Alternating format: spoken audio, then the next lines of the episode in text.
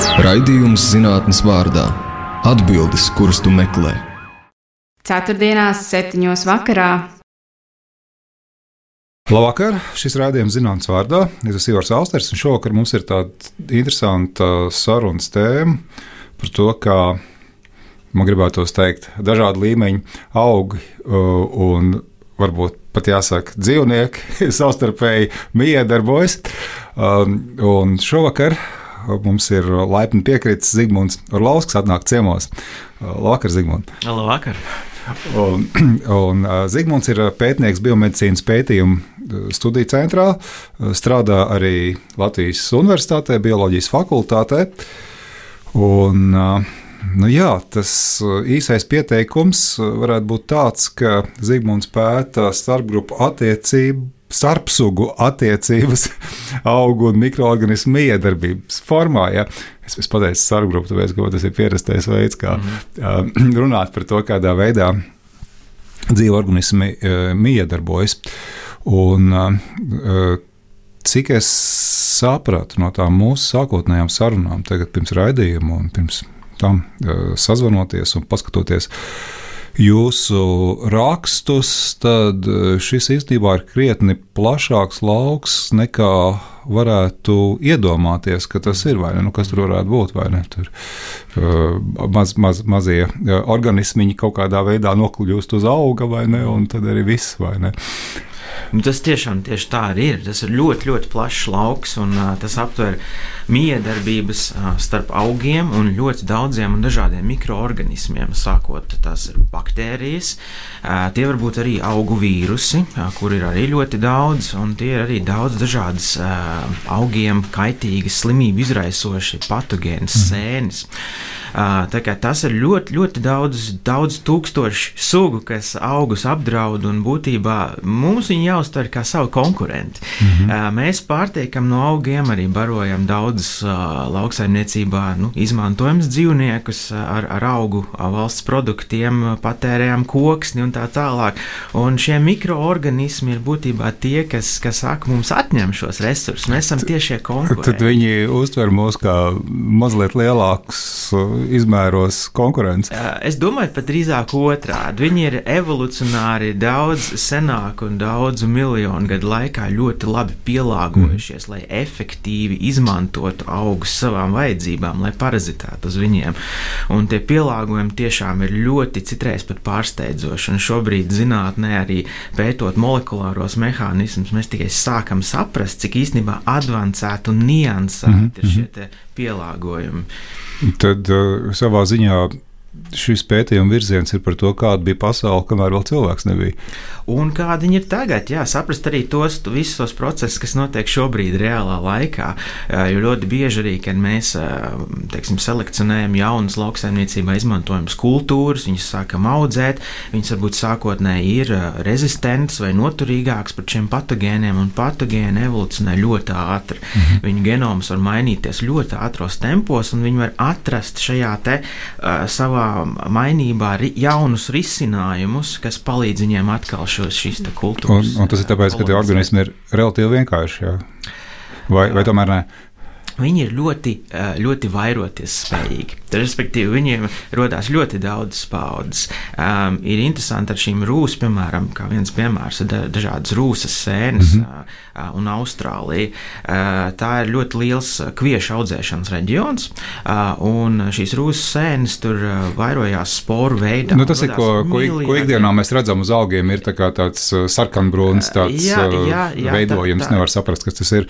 Jā, tieši tā ir ļoti daudz dažādas sēnes, kas tādā veidā vair, vairojās, un tie ir tie redzamie simptomi. Bet viņas rada miljardiem sporu, un dažkārt valdošie vēji var šīs sporas transportēt tūkstošiem kilometru tālu un pat starp kontinentiem. Ir bijuši vairāk gadījumi arī zināmi, kur šī augu rezistence tiek salauzta, tā mm. teikt, jo pielāgots patogēns, viņa sporas ir transportējušās, piemēram, no, no, no, no, no, no Āfrikas, no Austrumāfrikas uz mm. Indiju. Ja, un, tad, un tad, jau, tad jau tur tā ir uzreiz jauna problēma. Uh, jā, un tā tad tā interesantā. Uh, tēma man šķiet ir tā miedarbība tieši vai ne kādā veidā augi tam mēģina pretoties, ko tie dara, mm -hmm. bet visi šie patogēni, nu, kā jūs apvienojat. Mm -hmm vienā no, zem viena nosaukuma, zem viens cepurs, uh, atkal izdomā kaut ko no jauna un sanāk tā, tāda nebeidzamā cīņa. Tieši, tieši tā, tā ir tāda nebe, nebe, nebeidzama cīņa, uh, un, un augiem ir imunitāte. Tātad tas ir, tas ir arī viens, kas varbūt tās daudziem cilvēkiem nav, teiksim, nav bijis zināms, mm -hmm. un, un nav, nav teiksim, plaši tas aplūkots arī skolās un, un, un tādā ļoti vispārējā izglītībā. Bet augiem ir imunitāte, viņiem ir ļoti daudz šūnās esošu receptoru. Tūkstošiem. Tad augi mācās, nu tā nosacīt nu, tur ir nianse. Gan atšķirībā no cilvēkiem, augiem nav adaptīvās imunitātes. Mm. Augi nespēja izstrādāt antivielas, kā oh. mēs pret covid un tā, un, vai citiem vīrusu un citu veidu saslimšanām. Bet augiem jau ir iedzimtā imunitāte, tad viņiem jau komplektā nāk no iepriekšējās paudzes ar sēklu, nāk līdzi, līdzi jau gatavs receptoru komplekss. Un to augs var izmantot, lai atpazītu šos dažādos uzbrucējus. Tas, tas ir interesanti tajā brīdī, kad jūs sakat, atpazītu, nu tad šķiet, ka ir kaut kādas kognitīvās funkcijas. Mm.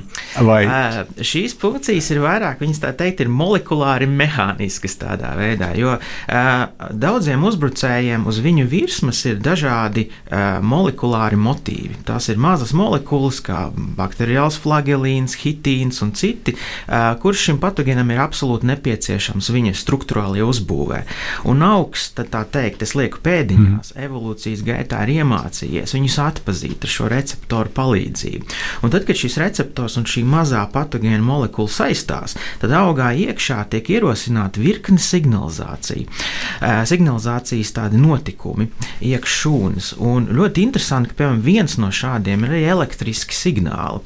Un tie tagad pasaulē daudzās pētniecības grupās tiek arvien vairāk pētīti un, un, un izprast. Var minēt kaut vai divas Simona Gilroja pētniecības mm. grupu Viskonsīnā, Madisonā vai Ted Farmera grupu Luzānas Universitātē, kur pēta, kā augā izplatās šie elektriskie signāli, piemēram, no vietas, kur ir noticis uzbrukums, uz kādu attālāku lapu. Mm -hmm. Tālāk šie elektriskie signāli nav vieni, viņus pavada vēl citu signālu veidi, molekulu veidi, kā piemēram kalcija viļņi augā, kurus var izmērīt. Mm. Tālāk tas augā ierosina virkni, virkni pārmaiņas gēnu aktivitātē, un augs var sākt ražot sevi aizsargājošas vielas, dažādas metabolītas. Tas nozīmē, ka tas nav tikai piemērošanās tādā nu, klasiskā skatījumā, evolūcijas teorijas ietvaros, nu, teiksim, ka paudžu nozīmē tā piemērošanās notiek, bet tad notiek arī vienas augu paudzes laikā. Ja es pareizi sapratu. Nē, patiesībā tas ir tīri evolucionāri. Šeit jāsaka, ka tas ir, evolū, tas ir tīrs evolūcijas mehānisms, kurā šis, šis te komplekts, visas šis te receptors, tā signalizācija mm. un tā atbildes reakcija augam jau tiek iedots līdzi. Protams, kad, kad var notikt jaunas mutācijas un šis šis mehānisms var tīri evolucionāri pielāgoties. Mm. Bet um, es, es, es gribētu varbūt atturēties, teikt, ka augs var savas dzīves laikā to, to teiksim, tā, tā iemācīties. Lai arī tur ir uh, ļoti daudz plasticitātes jau iebūvēts iekšā. Uh, ka šis mehānisms var, teiksim, atkarībā no tā, vai augs sastopās ar vienu stimulu vien vai ar diviem atšķirīgiem stimuliem vienlaicīgi, piemēram, augsta temperatūra, temperatūras stress un tad kāda uzbrukoša mm. baktērija. Atkarībā no šīm kombinācijām augs var reaģēt savādāk. Ja? Tāpēc mums var šķist, ka auga, augs var mācīties savas dzīves laikā, bet nē, patiesībā visi šie mehānismi jau ir iebūvēti iekšā. Vai cīņas laikā ar patogēniem, tiem augiem mainoties, nu, ir kaut kādas arī zināšanas par to, kā mums zinām augi ir mainījušies, nezinu, izskata ziņā, tur, tur vai, vai nu, tādās ārēji pamanāmās lietās. Nu, ir, nu, protams, mūsu selekcija ir labs piemērs tam, kā daudz. Nu, kā cilvēks maina. Jā, kā cilvēks maina, kā daudzas uh, lauksaimniecības kultūras ir mainījušās. Nu, piemēram, desmit tūkstoši gadu atpakaļ kukurūza, ja, tā, kas, kuras izcelsmes centrs ir, ir, ir, ir, ir Centrāla Amerika domājams, mūsdienu Meksikas teritorija. Uh, un šis augs bija tāds mazs un, un, un mm -hmm. diezgan zarots, ar vairākiem stumbriem, tāds tā kā maziņš krūmiņš, varētu teikt, aprakstot. Un cilvēki ir viņu selekcionējuši tādā veidā, ka viņi dabiskā veidā radījuši šī auga mutantus. Uh, un viņi ir atlasījuši variantus, kuriem ir viens stumbrs pretstatā daudziem stumbriem. Uh, un tad no šī viena stumbra veidojās ja, visi šie ziedi un veidojās kukurūzas svālītes, viņš ir produktīvāks un tā tālāk. Un tādā veidā, jā, reālā laikā mēs, nu, mēs varam redzēt, ja, kā šīs kultūru domestifikācijas laikā augs ir tīri izmainījis savu izskatu. Ka, ka paskatās vecos westernus, tur vēl tādus var redzēt. Jā. Apmēram. Uh, nu, es domāju, tas būtu, tas būtu pārāk, pārāk tuvu. Mums būtu jāiet daudz tālāk, vēl tūkstošu gadā, daudz senākā pagātnē. Uh, cik es sapratu no tā, ko jūs esat rakstījis, un, un, un, un arī no tā, ko jūs šobrīd pētat, augi ne tikai tādā, nu, šajā, nu, kā jūs minējāt, elektrisko signālu pārvades ziņā, lai varētu adaptīvāk reaģēt uz patogēniem, kaut ko dara, bet arī savstarpēji mm -hmm. miedarbojas, ja, ko mēs varētu nu, cilvēku gadījumā saukt par sarunu vai komunikāciju vai informācijas nodošanu, Jā. kas ir kaut kas nu, ļoti, ļoti interesants. Ļoti fascinējoši. Tieši tā. Es varbūt lietotu to pēdējo terminu, viņš ir rezervēta informācijas nodošana, jo mēs vēl nezinām, cik šis ir uh, apzināts mm. process vai cik ļoti tas patiesībā palīdz, kā, nu, tīri evolucionāri, vai augi tā teikt, palīdz saviem sugas brāļiem, signalizējot viņiem, vai, vai kā šis, šo, šis, šis jautājums vēl ir tā pētāms un dziļāk izprotams. Bet jā, tad augiem tā imunitāte strādā ne tikai viņos pašos, bet viņi spēj arī nodot dažādus signālus viens otram. Ļoti labi zināmi signāli gaistošas vielas, kad augam uzbruk, savaino lapu, piemēram, mēs varam noplūkt baziliku mm -hmm. ja, un, un, un savos ļoti daudz tādu aromātisku buķetu. Un patiesībā tur ir ļoti daudzas vielas, ko augs jau ir saražojis, kas tiek atbrīvotas bojājuma gadījumā, kuras iet pa gaisu un var tikt uh, uztverts, ar, uh, kuras citu augu var uztvert. Tā, tas, ir, tas ir viens, un otrs arī augs viņas izdala tāpēc, lai pievilinātu dabiskos ienaidniekus. Ļoti bieži augam uzbrūk kāds kukainis, kas sagrauž lapu, rada bojājumus. Uh, tad augs ar šiem, šīm mazajām vielām, tur ir dažādi terpēni, mm -hmm. seskiterpēni, monoterpēni un citi savienojumi, kas pievilina tādas pa, parazītiskas lapsenes, jā, kuras spēj iedēt olu iekšā šajā kukaiņu kāpurā un tā teikt viņu nogalināt. Augs izmanto mani oh. ienaidnieki, ienaidnieks mm. ir mans draugs, bu ļoti burtiskā veidā. Citi augi pēc šādas vielas ir iemācījušies, ir, ir arī tāds teiksim, heksēna atvasinājumi, tāds ķīmisks savienojums, ko augs izdala, piemēram, tomāts, un otrs tomāts šo savienojumu uztver. Un viņš viņu spēja nedaudz ķīmiski modificēt, un ar to viņš jau ir iegūst sev toksīnu pret šiem kukaiņu uzbrucējiem. Un tad tā trešā pakāpe ir tas, kad, kad augs var šos, tas, šos tas savienojumus sevi uztvert kā signāls, kā informāciju. Nevis jau kā gatavu uh, ieroci pret uzbrucēju, bet kā informāciju.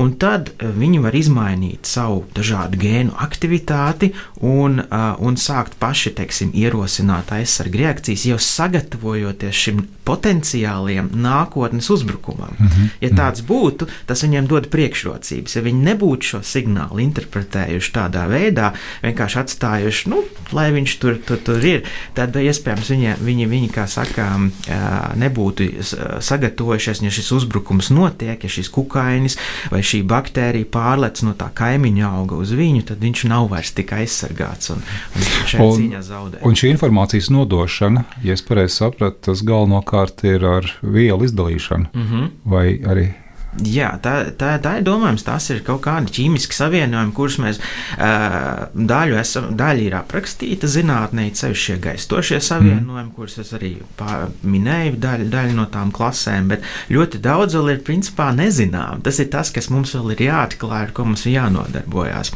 Un ir iespēja, ka augs viņus vienkārši sekretē, izdala vidē. Vai nu gaisā, kā gaistošs savienojums, vai nu augsnē, un viņš var, teiksim, tā difūzijas ceļā, ceļot no viena oh. uz otru, bet varbūt arī tā, ka ir vēl kāds organisms, kas viņus savieno savā starpā. Un tad nu, ir tā, tāda ļoti interesanta hipotēze, ka tās varētu būt piemēram augsnē esošās sēnes, kas veido asociācijas starp diviem augiem. Un kā es to esmu teiksim, frāzējis, tas ir kā pazemes internets. Mm -hmm. Būtībā tas ir kā, kā bioloģisks interneta kabelis, kurš var kalpot vielu apmaiņai. Un kāpēc? Du, nu, tā, tā, tā sēņotne nekalpo tikai sēnēm, Jā, bet uh, arī tā. augiem, uh, kas ir nu, netieši pievienoti. Jā, šeit ir, ir, principā, ir, ir, ir, ir, ir divas lietas. Jā, pirmkārt, sauszemes augi, kādus mēs redzam uh, šo, šobrīd, visa šī kompleksa ekosistēma ir veidojusies kādus 400 miljā, miljonus gadu mm. atpakaļ. Un patiesībā tās augsnē esošās sēnes palīdzēja augiem kolonizēt savu zemi. Pirms tam augi dzīvoja ūdens vidē, viņiem nebija savas mm. īstas sakņu sistēmas, kas pildītu mehānisku funkciju, kas ļautu viņiem minerāli baroties un uzsūkt vielas no augsnes. Un patiesībā šīs sēnes bija tās, kas kolonizēja šos varbūt saknēm līdzīgos veidojumus tajā brīdī, ap 400-450 miljonu gadu atpakaļ, un, un, un ļāva augiem paplašināt savu sakņu virsmu, uzsūkt ūdeni, minerālu vielas, kas viņiem atļautu uz sauszemes izdzīvot veiksmīgi. Tā, tā kā, uh, sēņotne kalpoja kā tāds uh, akumulators jā, jā. Uh, barības vielām. Tieši tā, šī, šī ir mutuālis, šīs ir labvēlīgie mm. mikroorganismi. Tad pretstatā, ko mēs iesākām sarunu, ka mēs runājam arī par daudziem patogēniem, kaitīgiem sēnēm. Mēs runājām par šo te rūsas sēni. Jā. Piemēram, jā, mm. bet šī ir simbionta, un mēs viņus saucam par mikorizes sēnēm. Uh, un ir ļoti daudz dažādas mikrorīzes, un dažkārt šīs attiecības var būt diezgan intīmas. Šīs sēnes var iejaukt iekšā mm -hmm. auga šūnā. Tas ir burtiski iejaukt iekšā saknes šūnā, uh, vairāku šūnu slāņu dziļumā un sazaroties, veidot tādas īpašas struktūras, kuras mēs saucam par arbuskulām. Bet, bet tev uzreiz ir jautājums par to, kas ir parazīts, jā, vai mm. nu, mēs pieņemam no savas skatu punkta, vai ne? Ka, ja tagad ir uh, kaut kādas sēnes, uh, kas dzīvo uh, uz, citu, uz citiem augiem, kā parazitē, izmanto barības vielas, spēja augt, vairoties, tad tas kaut kas slikts. Bet uh, pēc tā, ko jūs stāstāt, tā jā, robeža laikam nav tik skaidra. Kas tik, vispār ir slikts jā, labs dabā, vai ne? Tieši tā, tas ir tik subjektīvs skatu punkts, un turklāt tas droši vien arī mainās laika, laika, laika ziņā. Tad šeit, šīs, šeit nav robežu. Mm -hmm. Šīs ir tik daudz palēko toņu nokrāsts starp balto un, un, un melno, starp parazītu un labvēlīgu organismu. Un, uh, un, un jā, tā kā šeit mēs tiešām nevaram novilkt, ne, novilkt robežu. Un, Un daudz organismu var būt arī teiksim, tā oportunistiski. Viņi var dzīvot kopdzīvē, vienā, vienā augsnes slānī ar šo mm. augu, un, un varbūt pat būt dažkārt labvēlīgi, bet mainās apstākļi, un viņi var kļūt parazītiski. Un, un, un, un tas ir tas, ko arī šobrīd daudz biologi cenšas saprast, ir šī augsnes mikrobiālā daudzveidība, kuri īstenībā ir labvēlīgi mikroorganismi un kāpēc un kādos apstākļos un kombinācijā ar kuriem citiem.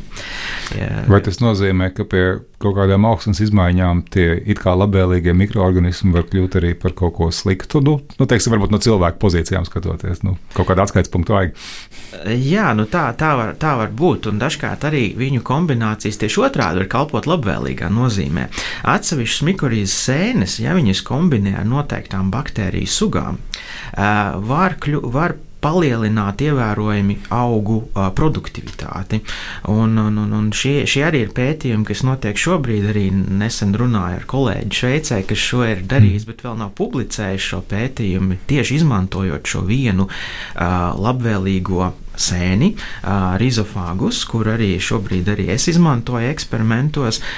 Un, ja šo sēni kombinē ar noteiktu baktēriju sugām vai pat celmiem, tad, piemēram, dažādu augu biomasas iznākums ir, ir daudz lielāks nekā tikai ar vienu no šiem mm -hmm. mikrobiem. Tā kā jā, šeit šīs kombinācijas īstenībā var dot ļoti necerētus, mums vēl nezināmus efektus.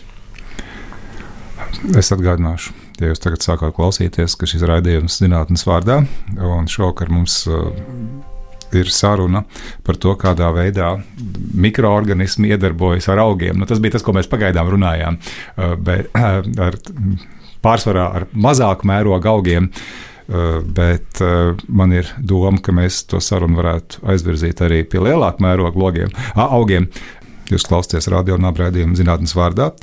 Un šovakar mums ciemos ir Zigmunds Arlauskas, un mēs runājam par, uh, manuprāt, izcili interesantu tēmu par to, kā uh, maza mēroga organismi, dažādi patogēni uh, iedarbojas ar. Uh, Miedarbojas ar uh, lielāka mēroga organismiem, ar uh, augiem, Uh, nu, mums bija uh, piemēri par uh, kukurūzu, graudaugiem, baziliku. Bet es tagad gribu Zigmundu to sarunu pavirzīt tālāk, drusku. Viena no tēmām, ko jūs minējāt, ka augi spēj nodot informāciju viens otram. Un tie sākotnējie pētījumi ir ar šiem mazāk mēroga augiem. Ja jūs mm. minējāt, teiksim, baziliku, jūs minējāt tomātus. Ja.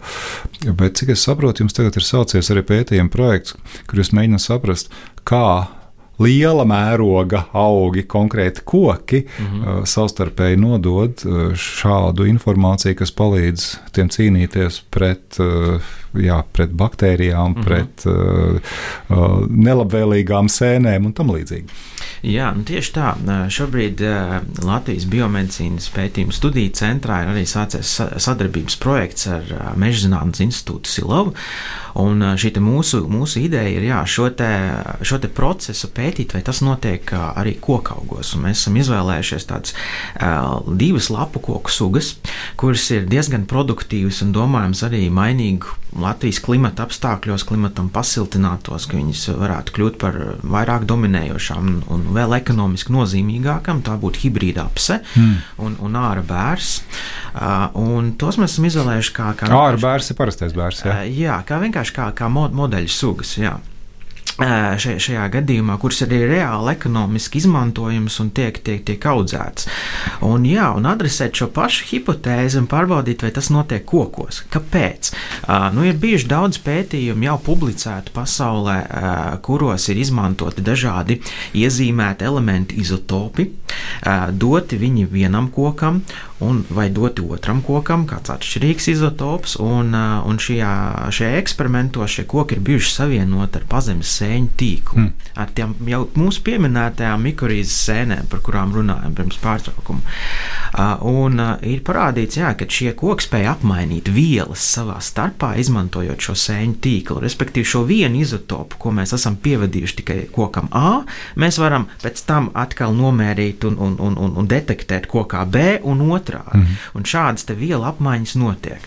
Un, ja tādas notiek, tad, protams, radās jautājums, vai arī citas molekulas, ja ne tikai barības elementi, šādā veidā uh, tiek apmainīti. Un vai tie varētu būt kādi šie, šie signāli, kas ir, uh, kurus viens augs producē, ja viņam uzbrūk, mm -hmm. vai nu kāds kukainis, vai nu kāda sēņu vai baktēriju slimība, un tad nu, šis signāls varētu ceļot pie šī blakus auga, pie šo pazemes sēņu tīklu. Uh, nu, tad tā ir tā hipotēze un šis jautājums, ko mēs gribētu adresēt un pārbaudīt šajos eks eksperimentos. Man uzreiz interesē par to tehnisko pusi, kā mm -hmm. veidot eksperimentus. Ja? Jā, nu, var diezgan no tādas mm, skatu no malas puses iedomāties, kā varētu teiksim, eksperimentus ar tomātiem veikt, ja, vai, vai, mm -hmm. vai ar baziliku, ja, mm -hmm. vai pat ar kukurūzu, bet tagad ar lieliem bērziem. Nu, varbūt tiem nav jābūt lieliem, bet Jā.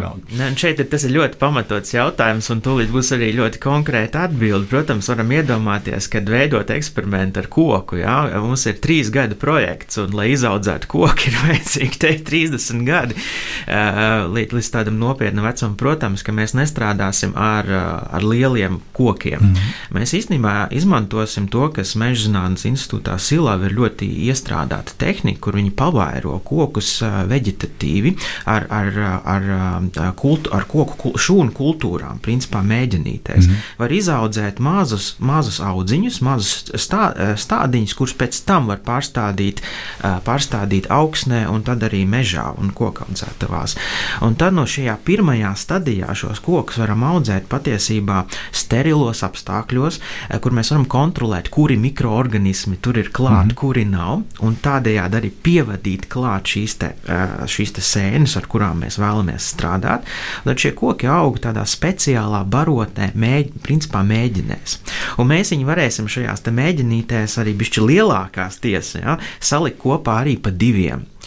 Un š, un šī, Tas sēņotnes tīkls ar tur izveidosies. Jā, un tad mēs piepilinam klāt sporas no mums interesējošām sēnēm. Un es jau pieminēju, ir viens mo modeļu organisms, arī sēne, arī šiem sēnēm ir, ir, ir bieži izmantotas sugas laboratorijā, un mums tieši arī viena šāda ir, ko ko, ko es arī atveru no iepriekšējās sadarbības Šveicē, no jau pieminētās laba, laboratorijas, Iana Sanders laboratorijas, un tad no šo, šo te sēnu mēs jau audzējām biomedicīnas studiju pētniecību centrā, Petrī platēs, mēs varam iegūt sporas no viņām, un tad, piemēram, šīs iegūtās sporas pievadīt klāt šiem te mazajiem, šīm te koku stā, tā teikt, stádiņiem, kas aug mēģinēs. Un tad jūs gribēsiet arī kaut kā, kā darīt gauži, darīt pār tiem tieši kokiem tā, un skatīties. Tieši, tieši tā. Un tad nu, mēs izmantojam ļoti kontrolētā veidā, piemēram, paņemam pinceti un varam saspiest koka lapas vai kādu stumbra daļu, nodarīt noteikta teiksim, apjoma mehānisku bojājumu. Vai uz šī koka uzlikt kādas molekulas. Mm -hmm. es, es pašā sarunas sākumā pieminēju, ka patogēniem ir tādi molekulāri motīvi uz viņu virsmas, tādi struktūrāli elementi. Un mēs tieši šādus elementus varam uh, iegādāties un uz, uzpilināt virsū šim augam, lai ierosinātu auga imūna atbildes. Lūk, un ja mēs to izdarām vienā augā, nu, tad mēs varam ievākt paraudzīņus noteiktos laika periodos, gan no šī pirmā auga, gan arī no tā, kas aug viņam blakus vai ir savienots ar viņu. Ka, kas ir tās izmaiņas, ko jūs meklējat tajos citos augos? Uh Jā, tā kā mēs zinām jau no, no, no literatūras un to, ko, ko dara arī citas pētī, pētniecības grupas, augu imunitātē ir noteikti, noteikti, noteikti gēnu aktivācija. Mēs varam mērķēt tādus marķieru gēnus, mm -hmm. kas liecina par to, ka imunitāte ir tikusi ierosināta. Uh, un tad nu, tieši, tieši tas ir tas, ko mēs meklēsim šajos, te, uh, šajos te kaimiņu augos vai savienotajos augos. Mēs ievācam paraugus, mēs izdalām nukleīdu skābes, un pēc tam mēs varam nomērīt nomērīt gēnu aktivitātes izmaiņas noteiktiem gēniem, kurus mēs izvēlamies. Un tad tie varētu mums liecināt par to, vai šie signāli ir notikuši vai nē. Bet pēc tam seko tas, vai vispār šie signāli ir bijuši augam nozīmīgi, un, un vai, vai viņi ir ierosinājuši arī pašas aizsarga reakcijas pret patogēniem. Tas ir var kaut kādas izmaiņas būt, bet tas nu, tieši tā, tas var būt pilnīgi neitrāls. Jā, tas varētu būt, jā, nu kāds marķieru gēns, teiksim, tiek aktivēts vai deaktivēts, nu un, vai tas nu jā, tam augam nu jā, ir svarīgi. Nu jā. un tad nu, mūsu tas tālākais mērķis ir arī optimizēt šo eksperimentālo sistēmu, lai sameklētu labu, tā teikt, modeļu patogēnu, ko ko pēc tam šim signālu saņemošajam augam uzlikt virsū. Un mēs varam salīdzināt, vai augs, kas šo signālu ir saņēmis izdzīvo. un, un nav saņēmis, nu, pirmkārt, izdzīvo, vai arī šīs infekciju apjoms, apmērs mm. ir izmainījies. Ja? Tad varbūt tajam, kas ir šo signālu saņēmis, viņš būs būtiski mazāks, liecinot par to, ka šis augs ir šo signālu interpretējis sev labvēlīgā veidā, sagatavojis aizsarga reakcijas un samazina šo te, nāk, nākotnes uzbrukuma apmēru. Tomēr pretstatā kontrols augam, ja, kurā vienkārši mēs varbūt uzpilinam ūdeni, ja, un, un šis, kuram nevajadzētu ierosināt nekādu nu, tādu būtisku starpaugu signalizāciju, ja, un varbūt uz tā auga, tad, tad šis infekcija apjoms ir lielāks. Un tieši tas, tas, ko mēs nomērīsim, tad mēs skatīsimies gan gēnu līmenī, kā tas mainās, gan arī reāli pēc tam. Gan arī efektivitāte. Kāda efekta, bet, protams, to mēs darīsim ar īpaši izraudzītiem patogēniem, kur ir, nu, mēs optimizējam mm. šīs te eksperimentālās sistēmas, lai, saka, īsā laikā mēs šo varētu pabeigt. Cik daudz augus jums vajag vienam tādam eksperimentam? Uh, šie eksperimenti parasti notiek daudzās, saka, daudzos etapos. Ja? Pie, lai, piemēram, lai ilustrētu to, ja mēs gribētu salīdzināt uh, augu ar šo signālu un bez šo signālu, un tad mums ir jāizaudzē divi audziņi blakus, uh, vismaz kādos nu, uh, četros līdz astoņos atkārtojumos katram. Mm ja? uh, bet mums pirms tam ir jāpārbauda, kāds, kurš stimuls strādātu vislabāk mūsu sistēmā, un tad mums šis te ir jāreplicē daudzas, daudzas reizes. Jā, ja mēs gribam pārbaudīt desmit stimulus un kontroli, jā, tad mums ir nepieciešama attiecīgi uh, 16 reizes 10 audziņi. Nu, tad mums ir jānoskaidro, cik ilgu laiks paiet no viena līdz otram. Mēs, un katrs laika punkts atkal būtu reiz tik un tik. Jā.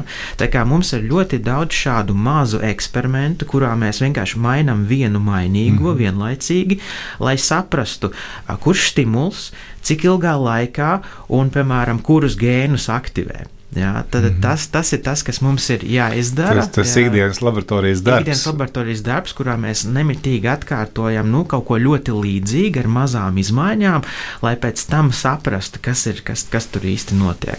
Un jūs jau esat sākuši to, vai tas ir vēl tādā plānošanas stadijā?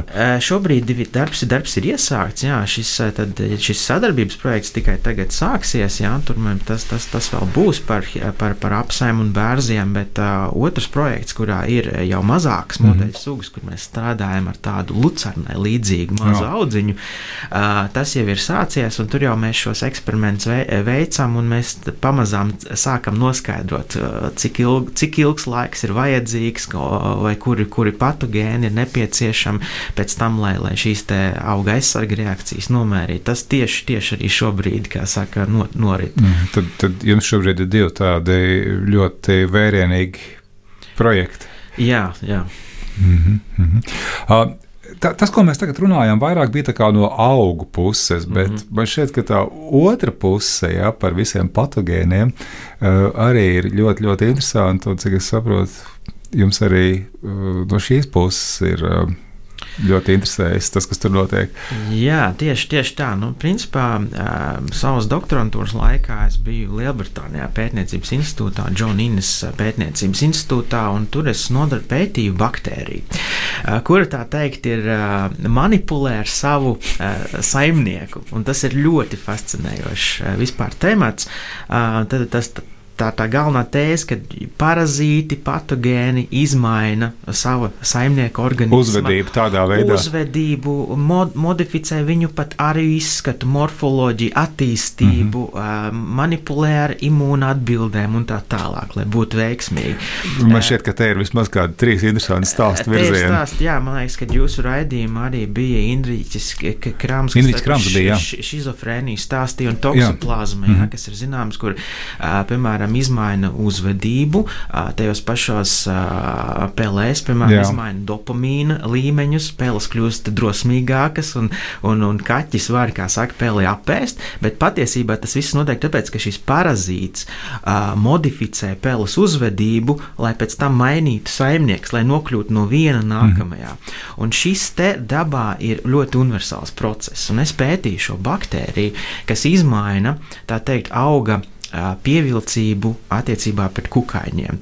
Tad, kad šī baktērija ir augā, viņu augu padara pievilcīgāku kukaiņu mātītēm, lai viņas nolaistos uz šī auga. Un tas ir smaržas dēļ kaut kā vai kaut kā ķīmisko vielu dēļ? Un šeit mēs, mēs atklājam to, ka tas nav īsti smaržas dēļ. Šīs smaržas, jeb aromātisko mm. vielu izdalīšanas izmaiņas ir aprakstīts, un tā dara ļoti daudzi augu patogēni. Piemēram, liela problēma visā citrus citrus augļu industrijā ir liberobakterija, tāda baktērija, kas inficē citronus, apelsīnus un, un, un ļoti daudz, un citās pasaules daļās ir ļoti svarīgs kaitē, patogēns, piemēram, Floridā. Viņš izmaina tieši auga smarž, smaržvielas, viņu sastāvu, lai pievilinātu kukainīti. Mm -hmm. Šis kukainīts, kad nosēžās uz augiem, šo baktēriju paņem un tālāk pārnēsā no auga uz augu. Princips ir tieši tāds pats kā malārijai. Arī malārijas plazmodija izmaina, piemēram, cilvēka pēdu aromātu, lai pievilinātu, ah. lai pievilinātu moskītus, jā, jā. Jā, kuri šo te, šo te pārnēsā. Savukārt tā baktērija, kuru es pētīju uh, savu do, doktorantūras laikā, darīja nedaudz savādāk. Viņa iz, izmaina auga attīstību uh, un izmaina auga imūnreakcijas. Pak, tad, pret kuru abus divus vienlaicīgi. Abus divus izlēja vienlaicīgi. Un patiesībā mēs šo pētījumu sākām tieši dēļ tā pirmā, jo augs kļūst uh, sterils. Viņi principā iznīcina ziedus. Šī baktērija, kad inficē augu, viņa panāk to, ka neveidojās normāli ziedi, ka veidās lapveidu struktūras. Mm -hmm. Un tas bija ļoti pārsteidzoši. Kas te bija pa augiem? Uh, ši, patiesi, mēs strādājam ar modeļu organismu, arabidopsis, oh. Tikai tāpēc, ka pēc tam mēs varējām darīt ģenētisku darbu, bet šis process, mm -hmm. šī ziedu iznīcināšana notiek desmitos dažādu augu. Un, un šī baktērija arī inficē sākot burkānus, sīpolus, kukurūzu, ehinācijas. Nu, te, te ir ļoti, ļoti plaša augu spektra. Nu, tā tad nezied, jā? Viņš nezied, un, un, un ar to sākās tas jautājums, tīri zinātnākāris mākts. Jautājums tad, kāpēc tas notiek un kā tas notiek? Un, un kāpēc tas kukaiņiem patīk. Ja? Jā, un kāpēc tas patīk kukaiņiem? Vai tur ir tieši korelācija, ka šīs ziedu izmaiņas tagad nozīmē to, ka kukaiņiem patīk šie, šie augi, kuri, kuri nezied vai kuriem ir vairāk veģetatīva mm -hmm. struktūra? Un patiesībā ir diezgan rūpīgiem eksperimentiem, kurām beigās mēs nonācām līdz uh, vizuāli identiskām divām lapām, kuras mēs piedāvājam šim kukainim tādā mazā mm. arēnā, lai viņš izvēlās, uz kuru pusi viņš grib doties. Uh, mēs nonācām pie secinājuma, ka šis kukainis neizvēlās lapas pirmkārt pēc smaržas vai pēc ārējā izskata, uh, bet, bet viņam un, un ne, ne arī pēc. Uh, pēc tā, vai šis augs zied vai, vai, vai nezied. Bet tur ir kaut kāds ļoti īpašs uh, izmaiņas notiek paša auga aizsargreakcijās. Un izrādās, ka šīs aizsarga reakcijas visas koordinē uh, viena, uh, viena gēnu grupa, kas atbild par daudzām funkcijām vienlaicīgi. Gan par auga attīstību, mm -hmm. ja, kad augs ziedēs un tā tālāk, un kādas ziedu struktūras veidos, gan arī mēs atklājam, ka šī gēnu grupā ir pilnīgi jaunas funkcijas, arī regulējot auga aizsarga reakcijas. Uh, un tam nav sakara ar gaistošiem savienojumiem, un tam nav sakara ar šīm ziedu izmaiņām. Tā kā ļoti ļoti interesants. interesants uh... Bet īstenībā jau augs arī kaut kā spēj tam pretoties, jo pretējā gadījumā noteikti sugas lēnām iznīktu. Jā, jā tieši, tieši tā. Uh, ir augi, kas, piemēram, ir uh, rezistenti pret šo baktēriju, un mums bija arī sadarbības projekts Brazīlijā ar San Paulo mhm. Universitāti, mm. kur tad manas minētā baktērija, proti, viņ, viņai ir ļoti daudzi uh, varianti, tā teikt, var, var teikt, nu, cēlmi vai, vai tādi ģenētiski varianti arī, uh, arī šīs baktēriju grupas ietvaros. Un ir daļa, kas inficē cukurniedras, bet liela daļa komerciālās cukurniedras, piemēram, ir kļuvušas arī rezistentas, un tāpat tās arī kukurūza. Uh, savukārt citos augos, jā, viņi spēj izraisīt šīs, te, šīs te auga attīstības pārmaiņas un, un, un tādas lietas. To starpā arī mēs runājam par kukurūzu par kukurūzas selekciju, ja, kad nu, senču kukurūza pirms vēl izmantošanas pārtikā ir bijusi ar daudziem zariem. Un šī pati pieminētā baktērija sauc viņu fitoplazma. Viņa principā izdara pretējo, ko darīs cilvēks ir šajā te, selekcijas laikā. Ja cilvēks Jā. ir selekcionējis augu, kuram bija daudzi stumbri, un tagad ir viens galvenais ražojošais stumbrs kukurūzā, kas principā ir viena gēna mutants, ja, tad mm. viens tāds regulātor gēns šajā augā ir izslēgts tīri selekcijas rezultātā. Šis, šis kukainīts panāk to, ka notiek pretējais efekts, ka šis koks atkal ļoti daudz zarojās. Viņš iznīcina kādu citu regulātoru, kas, kas, kas atgriež šo funkciju, funkciju atpakaļ. Bet tā ir nejaušība vai, vai tā ir? Nu... Uh, to... Mēs droši vien nevaram piedāvāt kaut kādu mērķtiecīgu. Mē, uh, mērķtiecīgi, nē, es domāju, bet... ka tur vienkārši ir vari, variācija, ka šis kukai, kukainim ir, nezinu, šī baktērijai ļoti daudz, piemēram, šādu te, uh, uh, nu, kieksim, gēnu variantu, kas, kas veic šo te funkciju, un tad tie, kas ir veiksmīgi, piemēram, panāk augu, kas zarojās vairāk, ja, viņi varbūt tās var arī uh, labāk uh, pievilināt šos te kukaiņu vektorus, kas pārnēsā šo baktēriju no augu uz augu. Bet šī pētījuma laikā mēs atklājam to, ka kad ļoti daudzi gēni augos regulē vairākus procesus vienlaicīgi. Un bieži vien auga imunitāte un attīstība regulē ļoti līdzīgas regulātoru grupas. Un arī šajā kukurūzas gadījumā tas gēns, kas atbild par kukurūzas zarošanos un to, cik daudz šie stublāji mm. veidosies vienam augam, šī gēnu grupa arī regulē auga jasmīna skābes atbildes reakcijas. Un šis ir viens auga imunitātes ceļš, kas atbild par to, cik augs būs teikt, uzņēmīgs vai neuzņēmīgs pret kukaiņu vektoriem. Tā kā bioloģijā, attīstoties daudzām nu, molekulārām metodēm, mēs sākam daudzas šīs parādības nošķirt un izprast dziļāk. Mēs, mēs varam dziļāk saprast, tur, kurš, kad citreiz daži procesi vienkārši ir savā starpā saistīti, bet viņus var ģenētiski tā teikt nošķirt nost, un patiesībā, notiek, ja notiek viens process, notiek divi vienlaicīgi. Augs izmaina gan attīstību, gan savu imunitāti, piemēram. Atgādināšu, ka mēs klausāmies, vai mēs šeit runājam, jūs klausāties raidījuma zinātnes vārdā, un Zigmunds Orlovskis šokar ir mūsu viesis. Mēs runājam par to, kādā veidā dažādi patogēni mikroorganismi iedarbojas ar augu, viens otru. Mēs lietojam to vārdu manipulējot. Jā. Tieši tā. un, un arī savstarpēji sazinoties. Šis raidījums zinātnes vārdā jūs klausāties Radio Naba. Un mums ciemos šokar ir Zigmunds Arlovskis no Biomedicīnas pētījuma studiju centra arī no Latvijas Universitātes bioloģijas fakultātes vienlaikus. Un, jā, mēs runājam ļoti.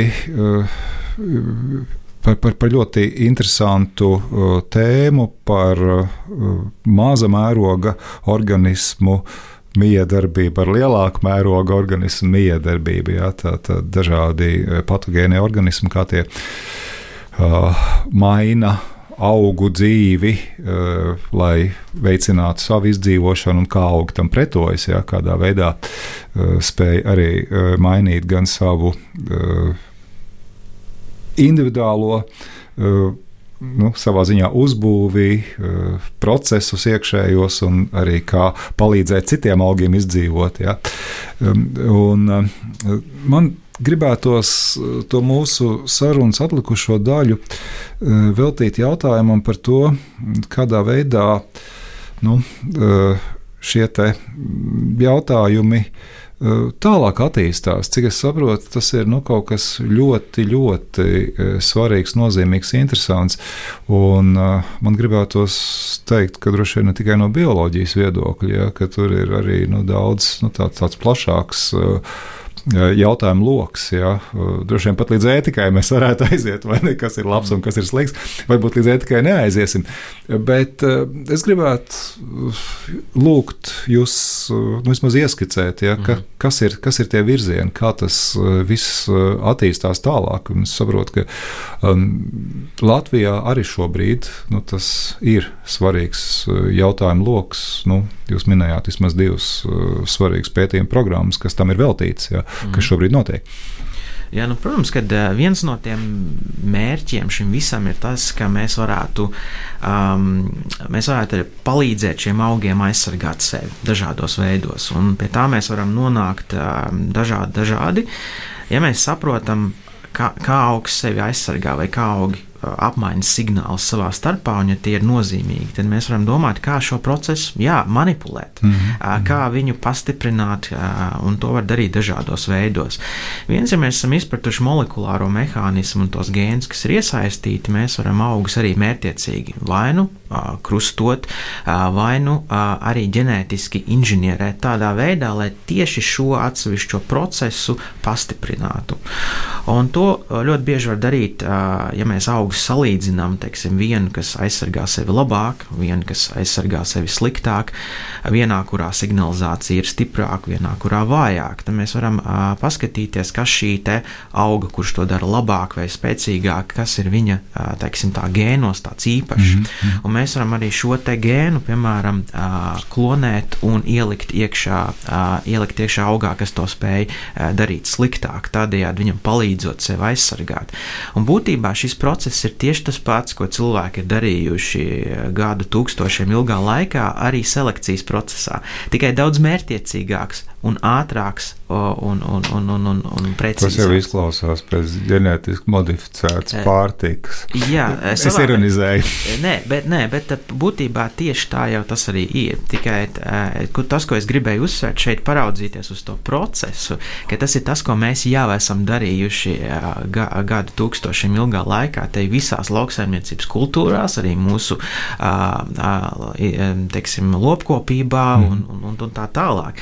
Visi visi šie organismi, kurus mēs ikdienā ēdam, būtībā jau ir mērķiecīgi ģenētiski manipulēti jau kopš Mendeļa laikiem, ja augus krustojot, meklējot, kā radās jaunas pazīmes. Nu, kopš Mendeļa laikiem droši vien, ka to saprot, bet nu, cilvēki jau saprot, to dara. Ja, cilvēki to darīja jau mm. daudz, daudz, daudz agrāk, ja, un, un, un, un novēroja kādu labu pazīmi, ja, un tad centās to nodot nākamajām paudzēm. Un būtībā ģenētiskā inženierija jau lielā mērā arī uz, uz to balstās, ka mēs tikai saprotam konkrētas, konkrētas gēnu variantus vai, vai genoma daļas, kuras mēs varam aizņemties no viena auga un nevis vienkārši viņus krustot savā starpā, kā rezultātā viņi apmainītos ar vēl simtiem, mm -hmm. ja ne mhm. tūkstošiem citu ģenētisku elementu variantu, bet tikai to vienu, kas mūs interesē, nesabojājot citas garšas, rāžas un, un, un, un tā tālāk īpašības, mēs varam pastiprināt vienu konkrētu konkrētu lietu. Samazinot eh, nejaušības daļu ne, procesā. Samazinot to risku, ka mēs izjaucam citas labās īpašības. Jā, tas ir viens mm. veids. Mm.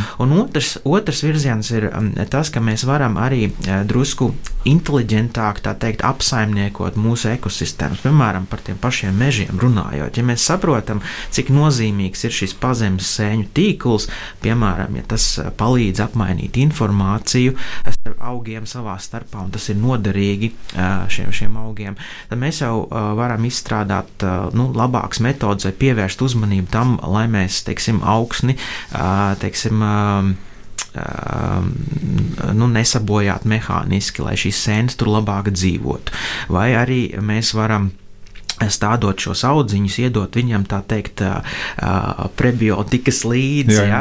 Ja, jau, jau inokulēt ar, ar kaut kādiem labvēlīgiem mikroorganismiem, kas viņam palīdzēs labāk sevi aizsargāt un izdzīvot savā starpā, arī nemodificējot pašu augu. Bet, tā kā šeit ir dažādi. Bet, paņēmumi. bet, bet iedomāsimies tagad, jūs esat bijuši izcili efektīvi šajā darbā. Uh, Kas notiks ar eh, šiem patogēniem? Viņi iznīks, eh, tur, tur dažādas it kā nevēlamās sēņotnes, sēnes, eh, jā, cita veida organismi. Vai tāda iespēja pastāv? Es domāju, ka tāda iespēja ir diezgan zem, tāda absolūta, kā lai pasakā, tāda absolūta uh, rezistence ir, ir ļoti grūti sasniedzama, un visticamāk, ka šie patogēni, it sevišķi viņiem ir citi saimnieki augi, viņš nespecializējās tikai uz vienu vienīgu augu uz šīs planētas, bet arī uz citiem. Viņš vienkārši pāries un, un turpinās dzīvot šajā citu augu populācijā. Tāpatās, ja mēs kaut ko palielinam viena auga rezistenci, tad tā ir noteikti populācija, kurā mēs viņu pēc tam sējam un, un, un audzējam un ievācam. Un un, un, un, un citi šie savvaļas radinieki šim te kultūra augam jau paliks ne, relatīvi mm -hmm. mazāk aizsargāti, un šis patogēns turpinās jau tur arī dzīvot un evolucionēt.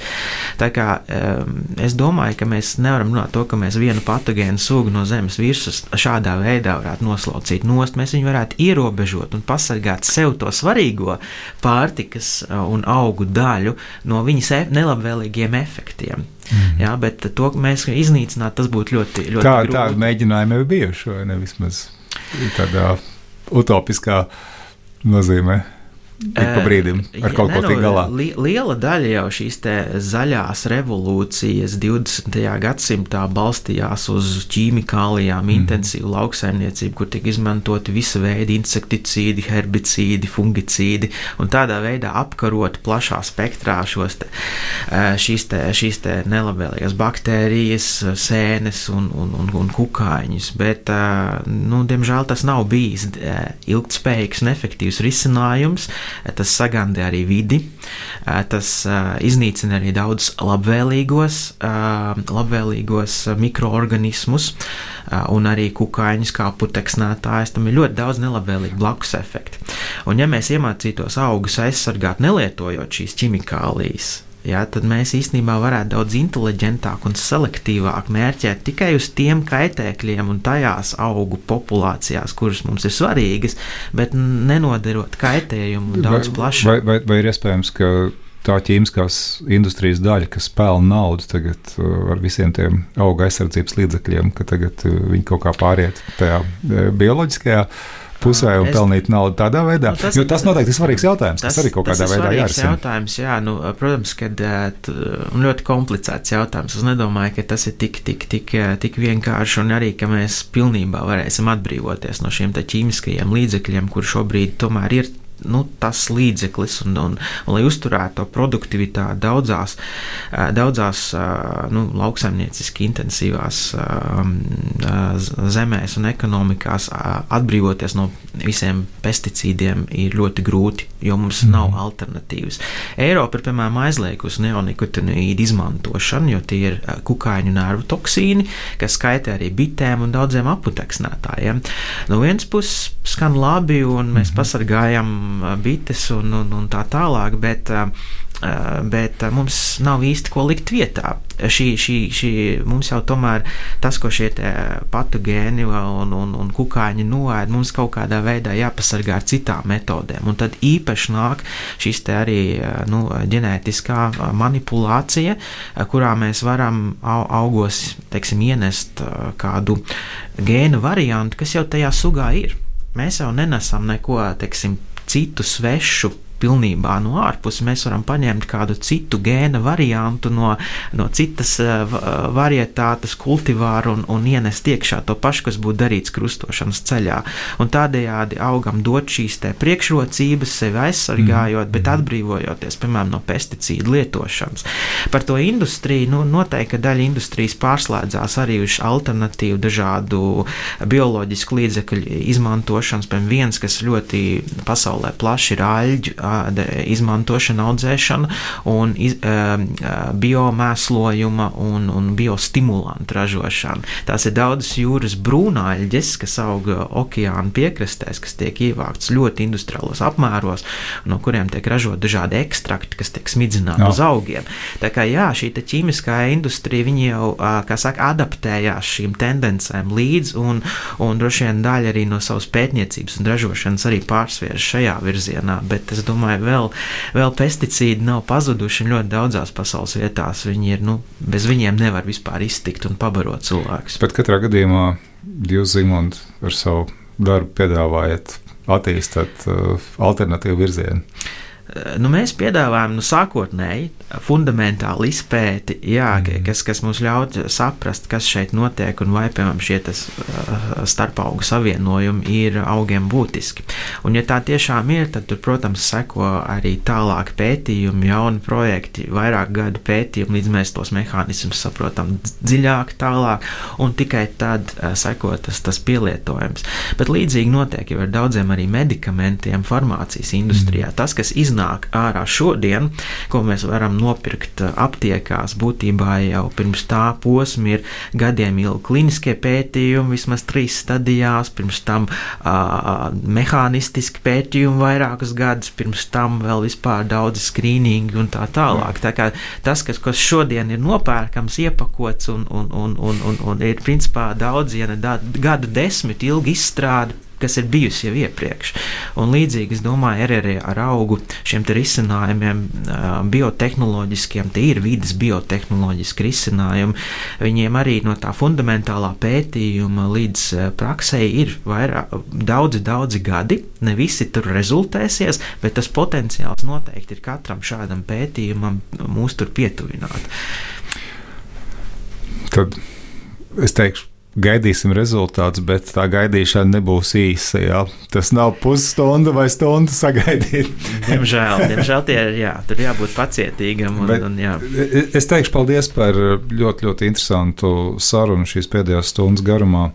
Tad, šovakar raidījumā zinātnes vārdā viesojās Zigmunds Arlovskis no uh, Biomedicīnas pētījuma un studiju centra, arī Latvijas Universitātes bioloģijas uh, fakultātes. Un raidījumu šovakar vadīja Vars Austers. Paldies jums uz sadzirdēšanos! Paldies jums! Raidījums zinātnes vārdā - atbildes, kuras tu meklē. Ceturtdienās, septiņos vakarā